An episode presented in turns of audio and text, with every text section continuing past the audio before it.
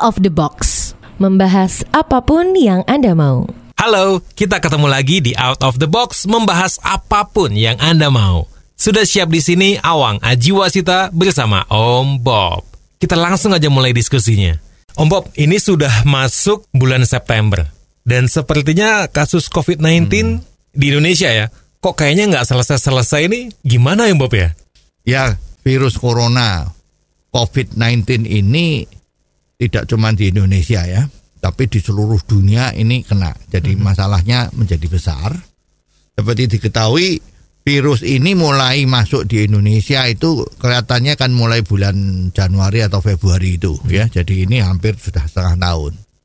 Ya, jadi uh, karena virus ini termasuk jenis baru ya. Uh, nah, makanya kan penanganannya kan juga mungkin pada taraf awal itu tidak begitu piawai ya. Jadi masih mencari pola-pola yang terbaik itu gimana. Jadi ada yang bicara bahwa di Indonesia terkesan penanganannya agak kurang cepat ya padahal memang virus ini termasuk virus baru. Hmm.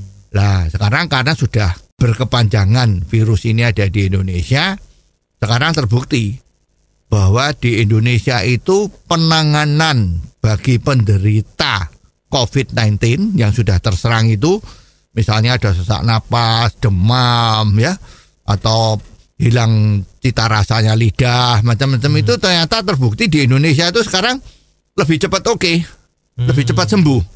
Ya, jadi ini kan memang diperlukan pengalaman ya. Jadi kalau lihat data-data sekarang ini yang sembuh dari kena uh, corona ini jauh lebih banyak ketimbang yang dulu ya. Jadi boleh dikatakan ini prestasi yang yang berbeda dengan negara-negara lain ya. Nah, cuman masalahnya kok bertambahnya uh, orang yang kena virus ini juga adanya banyak yang OTG ya, orang tanpa gejala. Mm-hmm. Ini memang menjadi tanda tanya yang besar. Sebetulnya kenapa ini bisa terjadi? Seperti kita ketahui dulu pada saat awal-awal dan menjelang lebaran mm-hmm. itu kan menjadi buah si malakama. Memang kita tidak melaksanakan lockdown. Lockdown di Indonesia akan membuat pemerintah akan kehabisan dana, ya. Dana ngutang pun mungkin kurang ya, karena penduduk Indonesia kan demikian banyaknya, lebih dari 200 juta. Betul. Ya, itu kalau semua harus lockdown semua, ini bisa repot ya. Maka putusan waktu itu adalah ya setengah lockdown ya. Itu ya oke okay saja betul ya. Jadi waktu itu ada yang namanya uh, tidak boleh mudik ya. Nah, terus tapi kalau pulang kampung boleh. Ini kan banyak yang tidak mengerti maksudnya. Okay. jadi pada saat waktu itu Jakarta itu lagi kena wabahnya kan banyak perusahaan-perusahaan yang terus pada tutup hmm. ya tidak tahu sampai kapan waktu itu kan dilaksanakan PSBB betul ya jadi karena tidak ngerti kapan selesainya dan banyak karyawan-karyawan yang sementara tidak ada kerjaan, terutama juga pekerja-pekerja harian atau pekerja-pekerja kontrak, macam-macam itu jumlahnya cukup banyak di Jakarta. Jadi itu kalau mereka mau pulang kampung, artinya tidak akan kembali Jakarta. Ya selama situasi COVID-19 ini masih nggak beres, mereka akan tinggal kembali di desanya masing-masing di kampung. Okay. Ada yang di Jawa Tengah, ada yang di Jawa Timur. Jadi mereka akan kembali ke tempat habitatnya. ya. Okay. Kalau keluarganya itu petani ya dia akan ikut bantu bercocok tanam, ya. Karena kehidupan di Jakarta itu kan termasuk kehidupan yang keras, ya. Biayanya tinggi. Kalau nggak punya pendapatan gimana? Mm-hmm. Ya, jadi kebijaksanaan pemerintah cukup oke. Okay. Bagi yang mau pulang kampung silahkan. Mm-hmm. Tapi yang mudik, mudik itu kan karena ada hari raya itu kan kepengen mudik kumpul sama keluarga nanti kembali ke Jakarta lagi. Mm-hmm. Nah, karena situasi pandemi ini ya diharapkan ya memang itu. Kalau bisa ya jangan mudik. Ya, mm-hmm. makanya kalau mau pulang kampung silahkan. kalau mau mudik jangan. Ya. Okay, okay, Tapi kan ini nggak bisa jadi peraturan yang ketat ya. Jadi waktu hmm. itu hanya dikatakan seperti itu, diharapkan nanti di lapangan itu para petugas petugas kita itu bisa menjalankan tugasnya dengan baik. Nah, tetapi celakanya itu ternyata pencegahan yang di lapangan itu kurang bisa efektif. Ya, banyak sekali orang yang pulang mudik dengan mumpet-mumpet hmm, dengan cari jalan tikus. Ya kan? Bagaimana caranya supaya bisa menembus blokade yang dilakukan oleh aparat. Ya, ini ini juga banyak terjadi kan. Jadi sebetulnya ya repot. Tapi waktu itu apakah para petugas memang sudah melakukan tugasnya dengan baik, Om Bob? Ya waktu itu memang uh, susah diomong ya. Petugas-petugas kita yang di lapangan itu ya sepertinya kok belum mengerti dengan jelas ya what why how-nya antara perbedaan pulang kampung sama mudik ya. Ah. Dan kelihatannya memang aparat-aparat yang di bawah itu eselon-eselon di bawah ya yang di lapangan itu memang belum dibekali dengan sistem administrasi yang baik. Ya, jadi waktu itu ada harus ada surat jalan misalnya seperti itu. Oh, iya, iya, surat iya, iya. jalannya kayak apa? Belum tahu. Ini menjadi nggak karuan. Ya. Sehingga sekarang juga ada kan itu terbitan koran baru di Jawa Timur di Swe. Oh iya. ya promosinya kan juga begitu. Ini bukan koran tapi harian. Nah ini, Harian. ini sama ya. Pulang kampung boleh tetapi mudik tidak boleh. Lah sama ya. Ini bukan koran tapi terbit harian. Ya, sama ya. Jadi ya bagus ini ya. Dan jangan ke mana-mana, kita akan kembali sesaat lagi sambil terus awang ingetin, Anda bisa mengirim komentar Anda tentang apa pun juga yang bisa kita bahas di sini. Silakan kirim via WhatsApp di 0878 5590 7788. Out of the box. Membahas apa pun yang Anda mau. Selamat datang kembali di Out of the Box membahas apa pun yang Anda mau. Awang Ajiwasita bersama Om Bob. Kita masih tungguin komentar-komentar Anda yang bisa kita bahas di sini. Silakan dikirim via WhatsApp di 0878 5590 7788. Nah, Om Bob. Nah, Om Bob, tadi diskusi kita masih sampai di flashback seputar penerapan aturan mudik dan pulang kampung. istilah pulang kampung dan pulang mudik ini menjadi nggak karuan ya karena tidak dibarengi dengan satu peraturan-peraturan atau SOP yang detail maka petugas yang di lapangan juga menjadi bingung ya sehingga terjadilah semacam migrasi ya Migrasi. COVID-COVID yang dulu di Jakarta itu juga menjadi tersebar di kampung maupun di daerah lain yang di mana orang-orangnya pada mudik atau pulang kampung tadi. Ah. Ya, jadi ini memang susah karena petugas yang di lapangan itu juga hatinya kurang kuat. Ya. Mungkin takut landasan hukum mungkin ya. Oke. Juga takut dengan suaranya orang-orang kalau sudah panik karena lebaran mau mudik itu kan semangatnya 45 ya. Jadi kalau dilarang juga bisa marah. Nah, tetapi petugas-petugas kita itu juga hatinya kurang kuat ya. Jadi agak lembek. Jadi tergantung bagaimana terus ini lolos. Terlalu baik hati mungkin Om Bob ya. Bisa begitu. Tapi juga ada yang ngomong itu bahwa oh, enggak apa-apa. Ya kalau ada petugas-petugas di lapangan itu ternyata bisa kok diajak damai. Nah ini kan jadi semua jadi ruwet ya terbukti sekarang eh, COVID ini nggak selesai-selesai. Ya Jakarta nomor satu, Jawa Timur nomor dua mungkin sudah mulai eh, berkejar-kejaran dengan Jawa Tengah. Di Kudus juga katanya sudah eh, puncaknya tinggi sekali. Ya jadi ini kan ya kemungkinan gara-gara dari itu. Tapi Om Bob, kira-kira ada penyebab lain nggak ya? Ya sebetulnya kalau kita mau cari-cari ya, kalau kita mau lihat secara realitasnya, ini juga terjadi semacam tidak terkendali dengan baik. Misalnya di Jakarta. Pada saat pengeterapan ini jumlah transportasi umum malah dikurangi operasinya. Ya, kereta api komuter juga dikurangi jam kerjanya. Ya, terus diterapkannya ganjil genap yang lebih banyak. Itu membuat sebetulnya orang yang masih mau bepergian menjadi kekurangan transportasi umum. Oh. Ya dengan demikian apa yang terjadi? Prediksi bahwa kalau ada pengurangan transportasi umum dan berlakunya ganjil genap itu dianggap akan membuat orang tidak mau bepergian. Dengan asumsi yang kayak gitu. Lah ini kan ternyata terbukti salah. Justru yang betul kan begini. Kalau transportasinya dikurangi, ya pasti orang menunggu dan berjubel-jubel. Oh iya. Ya karena kalau sudah setengah dibuka PSBB-nya itu kan perusahaan sudah boleh mulai beroperasi walaupun jumlahnya separuh ya. Betul betul. Kantor-kantor juga dihimbau agar separuh yang masuk. Jarak distancingnya juga dilakukan. Tetapi perhitungan bahwa betul-betul separuh yang masuk sehingga transportasi umum itu dikurangi jumlahnya, dikurangi frekuensinya yang biasanya sampai jam 11 malam hanya sampai jam 9 malam. Wah, itu jadi membuat masyarakat menjadi kebingungan.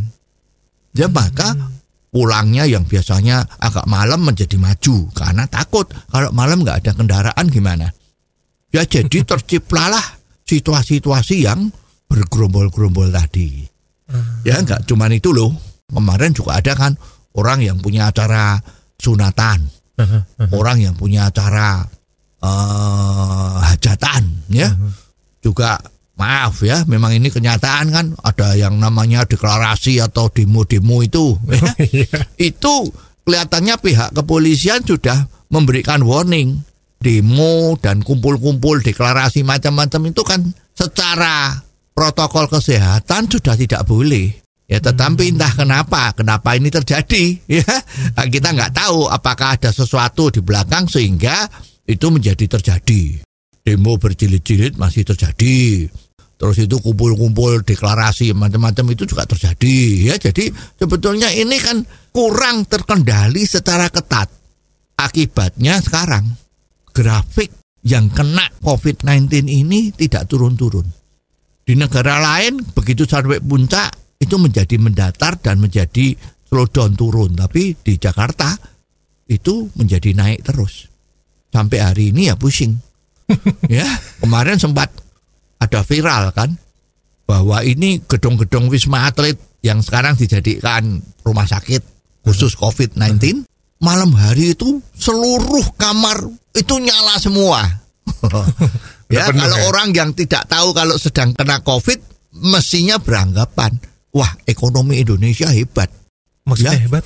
Ini hotel demikian itu kok kamarnya penuh semua. ya kan? Itu berarti kan ekonominya bagus. Mungkin okupansinya bisa 95% ya kan? Oke, oke. Wah luar biasa ini bisnis bagus ini. Tapi ternyata itu adalah rumah sakit. Berarti kan banyak pasien, di gedungnya itu hampir nggak cukup. nah ini kan ya gara-garanya salah satunya itu karena sementara vaksin COVID-19 ini belum beredar ya sekarang kan lagi taraf uji ketiga ya diharapkan nanti Desember atau sudah bisa divaksinasi atau Januari ya itu baru akan kelihatan kenyataan yang lebih bagus. Jadi karena belum ada vaksin yang bisa dipakai, maka pencegahan untuk penularan dari COVID-19 ini kan cuma tiga jalan itu. Sudah terbukti kan? Pakai masker, social distancing, cuci tangan. Kalau itu kita disiplin melakukan, niscaya penularan ini menjadi tidak ada atau berkurang jauh ya karena kalau sama-sama pakai masker itu kemungkinan nularinya dari droplet itu cuman 5%. Ya, kalau jaraknya distancingnya satu setengah meter atau dua meter itu lebih kecil lagi. Cuci tangan bagus lagi karena virus ini kan diketahui kalahnya sama sabun. Ya, cuci tangan kalau nggak pakai sabun ya nggak ada artinya. Jadi pakai sabun. Nah, dengan demikian kan harusnya seperti itu. Nah, kenapa kok sekarang yang ngatur lalu lintas itu kok berjubel-jubel? Terus yang mau ngatur pakai masker, yang tidak pakai masker lebih galak dari petugasnya. Jangan ke mana-mana, kita akan kembali sesaat lagi. Out of the box. Membahas apa pun yang Anda mau. Terima kasih Anda masih terus mendengarkan Out of the Box membahas apa pun yang Anda mau. bersama Awang Ajiwasita dan Om Bob. Di segmen sebelumnya sempat kita bahas tentang petugas yang mencoba menertibkan masyarakat untuk tetap memakai masker. Tapi petugasnya malah kalah galak. Nggak cuma itu, kalau sudah melanggar pakai masker, hukumannya kemarin yang paling viral dan diketawain di seluruh dunia itu kan. Karena loh kok seperti dagelan? Ancamannya hukumannya suruh masuk di dalam peti mati. Lima menit katanya ya. Nah padahal masuk di dalam peti mati. Yuk giliran orang kedua yang masuk. Ini udah nulari. Iya, iya betul betul. ya, Ini kan kacau nih ya. Jadi pengertian-pengertian Bagaimana menangani ini kok sepertinya Tidak serius. Terus ada lagi Hukumannya Hukuman sosial Oh iya. Suruh nyapu pinggir jalan Terus sekarang belakangan agak lumayan Suruh Oh nyapu di kuburan tapi dikasih topeng tokoh-tokoh hero zaman sekarang ada yang Spider-Man, Captain America, macam-macam. Nah, kalau ada yang ditanya atau petugasnya, loh kenapa kok pakai topeng hero-hero seperti itu? Nah ini jawabnya ya gimana? Ya di samping mereka itu kena hukuman, tapi kan kelihatan bahwa mereka tuh pahlawan karena mau membersihin kuburan dengan tanpa dibayar. Ya mau nyapu-nyapu di pinggir jalan ya. Eh, salah-salah tuh juga eh, katanya ada yang bersihin WC umum gitu. Itu kan jadi pahlawan.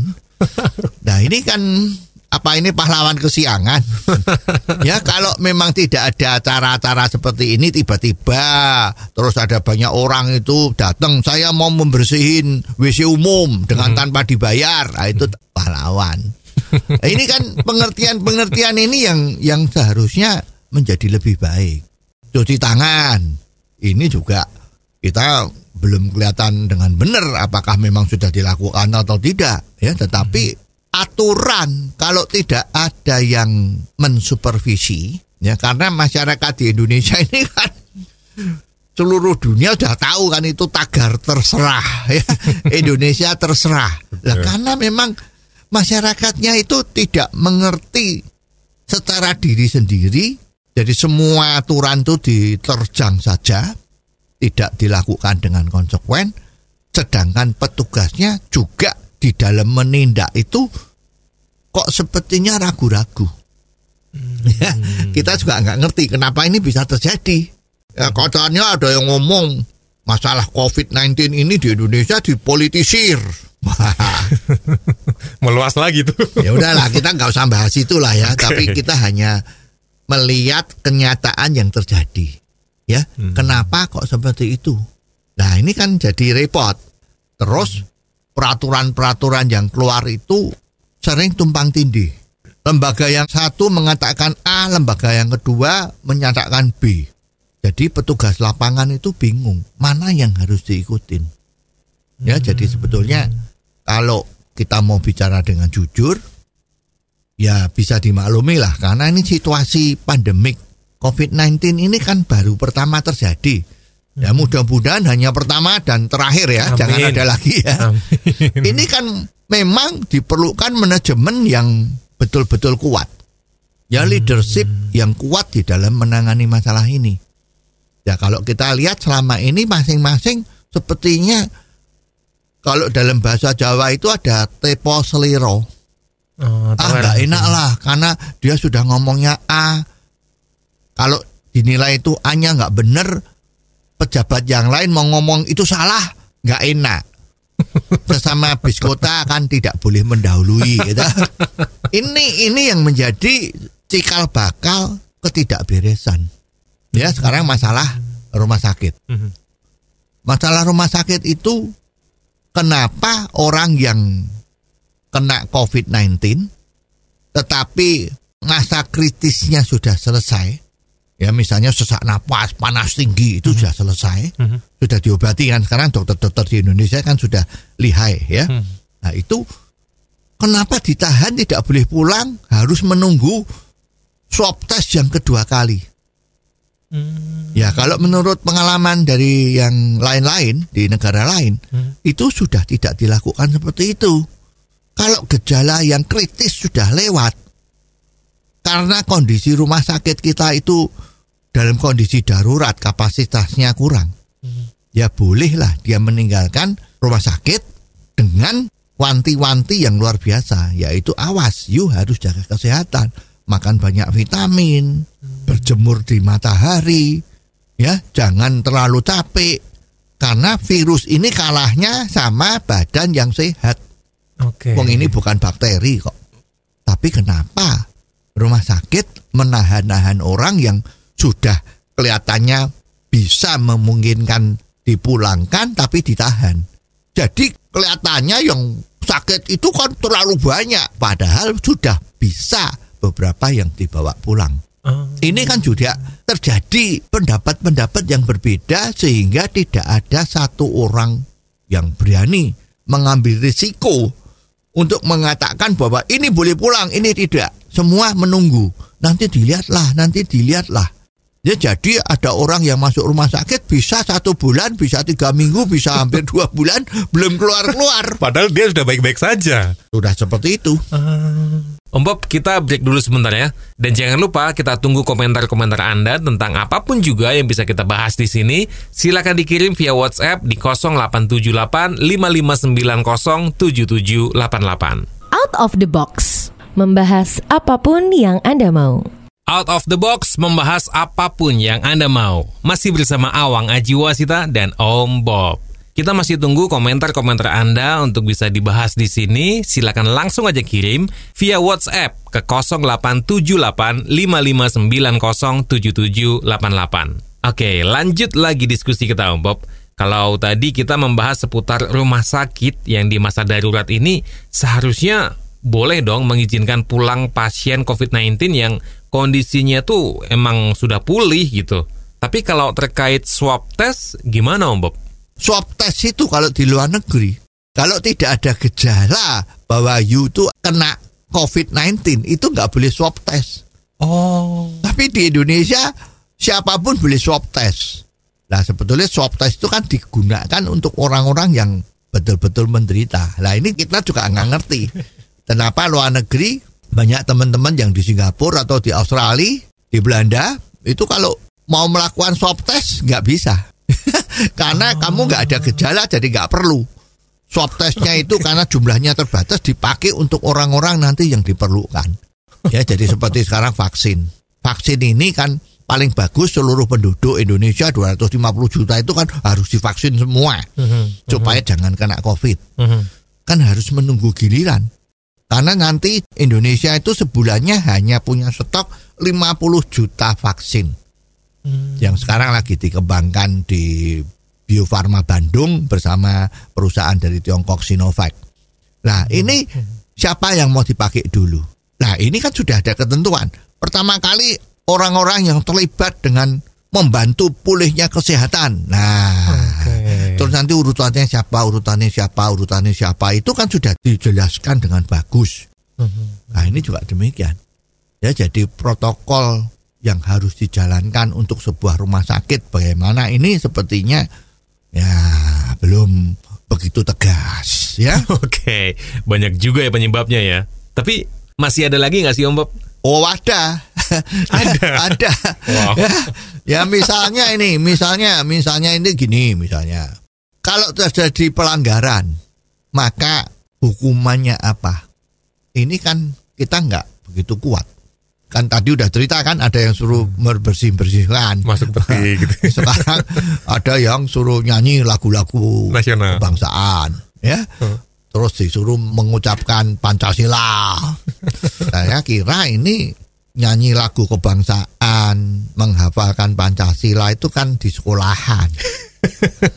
Kalau itu jadi hukuman, ya gimana? Hukuman disuruh milih mau yang ini apa mau yang itu. Ini kan guyonan. Ya, jadi kurang tegas. Ya, juga kurang berani mengatakan ini yang salah siapa. Ya, sekarang misalnya Jakarta terjadi situasi yang seperti ini. Protokol kesehatan tidak dijalankan dengan baik oleh pemimpin-pemimpin di daerahnya. Ini terus yang salah siapa? Ini nggak ada ketegasan. Yang salah semua rame-rame. Yang salah kita semua. Yuk semua secara kur bilang ya benar yang salah kita semua. Baik aparat, oknum dan juga masyarakatnya. Jadi kalau yang salah semua, apa semua mau dihukum? ya kan?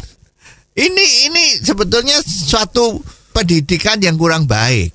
Jadi harus berani ditunjuk siapa yang salah, siapa yang bertanggung jawab paling besar. Kalau terjadi kerumunan-kerumunan, kalau terjadi uyel-uyelan, yang salah siapa? Yang ngasih instruksi siapa? Yang bertanggung jawab siapa? Nah, harus ditunjuk ini yang salah ini. Kalau sudah salah apa yang terjadi? Ya sementara nggak boleh memimpin gitu kan. Sampai COVID ini selesai. Jadi diambil alih. Nah sekarang juga sekarang bingung. Sekarang COVID ini yang bertanggung jawab siapa untuk memulihkan? Dari Departemen Kesehatan ngomong, dari pihak pemerintahan sipil ngomong, ketua gugus ini atau gimana pokoknya itu kan banyak yang seolah-olah tuh banyak uh, yang bertanggung jawab. Jadi pemimpinnya itu banyak. Seperti satu kapal itu kan harus ada satu kapten ya bukan dua kapten. Nah ini kaptennya banyak karena departemennya juga beda-beda. Jadi bingung. Ya mestinya yang menyatakan bahwa ini harus dilakukan PSBB ini tidak boleh dilakukan model ini, model itu, model itu. Itu harusnya ya yang bertanggung jawab untuk mengatasi masalah COVID-19 ini. Tapi kalau pejabat yang menangani COVID-19 ini bukan kepala daerah gitu, terus gimana dong? Ya memang, memang sebetulnya ini saatnya memang kemarin tuh sudah harus dilakukan struktur organisasi yang keluar dari organisasi pemerintahan. Ini kan darurat kalau darurat harus diambil alih sama seorang yang bertanggung jawab penuh mengatasi situasi darurat ini. Sang pemimpin untuk mengatasi darurat ini diberi wewenang yang luar biasa. Dia boleh mencari pembantunya yang dia maui, ya, dan dia boleh menempatkan di mana pun orang ini ditempatkan. Ya, dan lembaga ini yang dipimpin sama satu orang ini harus mempunyai otoritas menerobos peraturan semua. Ya ini boleh pejabat pemerintah, boleh bukan pejabat pemerintah. Tetapi orang ini harus jago, cukup tegas, punya pengetahuan yang luas. Ya jadi orang ini ditanggung jawabin untuk menyelesaikan masalah ini. Apakah ekonomi mau dibuka atau tidak, itu dia juga yang nentuin. Satu wilayah ini harus di lockdown, di PSBB, ya dia yang nentuin. Om Bob, kita break dulu sebentar ya. Dan jangan lupa kita tunggu komentar-komentar Anda tentang apa pun juga yang bisa kita bahas di sini. Silakan dikirim via WhatsApp di 0878 5590 7788. Out of the box. Membahas apa pun yang Anda mau. Masih Anda dengerin Awang Aji Wasita bersama Om Bob. Tentunya di Out of the Box membahas apa pun yang Anda mau. Nah, kita lanjutin. Sepertinya cukup tepat kalau kita memiliki satu orang pemimpin yang bertanggung jawab atas situasi darurat sekarang ini. Nah, tapi untuk menemukan orang seperti itu, apakah mudah Om Bob ya? Ya, memang tidak ada yang mudah. ya, tapi ini adalah jalannya. Ya, jadi kalau kita paling mudah tuh kita kalau lihat film itu, kita kan pernah ada film yang satu negara itu yang kena bencana pandemik apa yang dilakukan? Ya yang dianggap kuat untuk melaksanakan tugas disiplin. Kalau pemimpin bilang A pasti jalannya A. Itu kan sepertinya kita ketahui itu di kalangan militer. Itu sangat disiplin. Hmm. komandannya bilang A anak buah semua bilang A. Tidak mungkin ada yang meleset. Itu kalau kita lihat di film yang seperti itu kan kelihatan. Pemimpin daerahnya kepala daerahnya itu tunduk sama itu. Walaupun kepala daerahnya mungkin pangkatnya itu jenderal atau kolonel, tetapi sang pemimpin dari keadaan darurat ini pangkatnya cuman kapten, hmm. tapi punya kapten yang bisa memerintah kolonel yang posisinya misalnya sebagai wali kota atau bupati kalau di Indonesia gitu kan. Hmm. Jadi sang pemimpin mengatasi COVID ini dia mempunyai kaki tangan maaf bukan kaki tangan lah ya anak buah yang baik, Tim, yang tim, tim, dipercaya, ya. Oke. yang ditempatkan di masing-masing daerah. Oke. Jadi koordinasinya jalan melalui satu jalur, tidak melalui banyak jalur. Ya, jadi persis toh. Ini sekarang Covid ini kan seperti perang kan. Itu Presiden Uganda itu kan mengatakan ini perang. Kalau dulu perang dunia itu kan kelihatan musuhnya. Sekarang ini nggak kelihatan musuhnya. Iya iya iya. Virus-virus itu nggak kelihatan musuhnya. Tetapi kelakuan kita dalam mengatasi ini harus seperti perang. Jadi komandannya itu betul-betul yang hebat. Dan komandan ini berhak dalam situasi yang kayak gini berhak memecat pejabat kalau berani melanggar ketentuan yang dia lakukan. Wow. Jadi ini memang luar biasa. Memang ada yang ngomong lah ini katakan negara demokrasi. Loh, tapi kalau sudah darurat itu ya jangan pakai demokrasi yang seperti sekarang ini. Ya, apa you mau negara kita tuh demokrasinya seperti Amerika yang negara bagiannya itu kita tidak mau pakai masker. Wah, sekarang Amerika terkenal yang kena paling banyak di dunia. Ya, maaf. Kalau kita nggak boleh olahraga rame-rame, nggak boleh berenang, itu mengganggu atau melanggar hak asasi kita. Wah, itu itu kan sepertinya di Amerika itu di Miami, barang itu kan wah, jadi nggak karuan. Nah, karena ini darurat, harus seperti itu.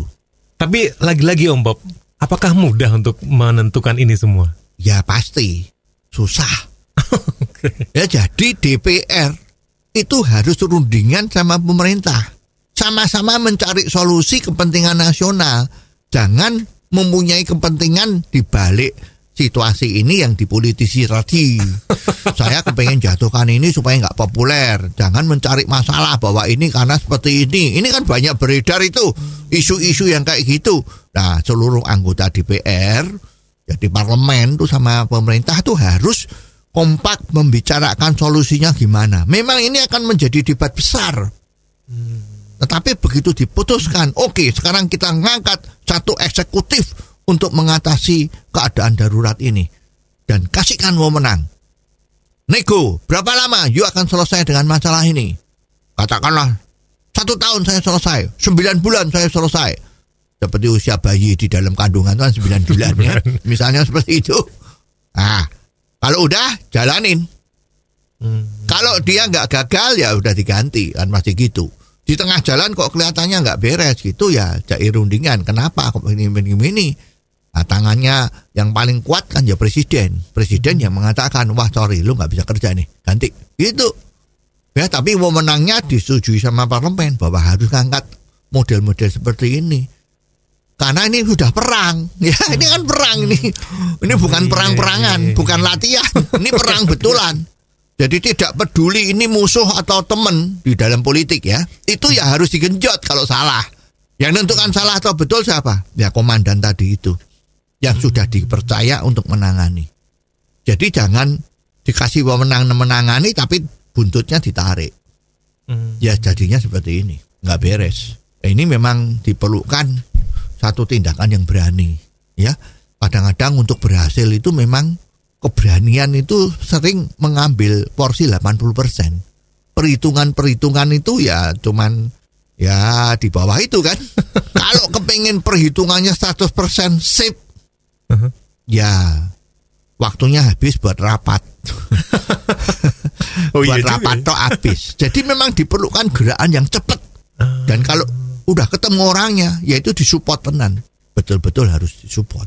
Nah, Om Bob, tadi kita udah ngobrol panjang lebar tentang penanganan COVID-19 yang sepertinya kok berkepanjangan sampai saat ini juga. Tapi kalau kita wakilkan dengan satu kata atau satu kalimat gitu, kira-kira kalimat apa ya yang bisa mewakili ini semua? Menurut saya yang paling tepat ya itu ketegasan. Ya, jadi Ketegasan. segala sesuatu yang dijalankan ini kurang tegas. Ya, jadi semua nganggap bahwa ini tidak serius. Padahal ini adalah perang. Jadi ketegasan ini harus betul-betul ditegakkan agar supaya COVID ini cepat-cepat hilang. Sekarang di Tiongkok itu sudah tidak pakai masker. Industri-industri sudah mulai gerak jalan.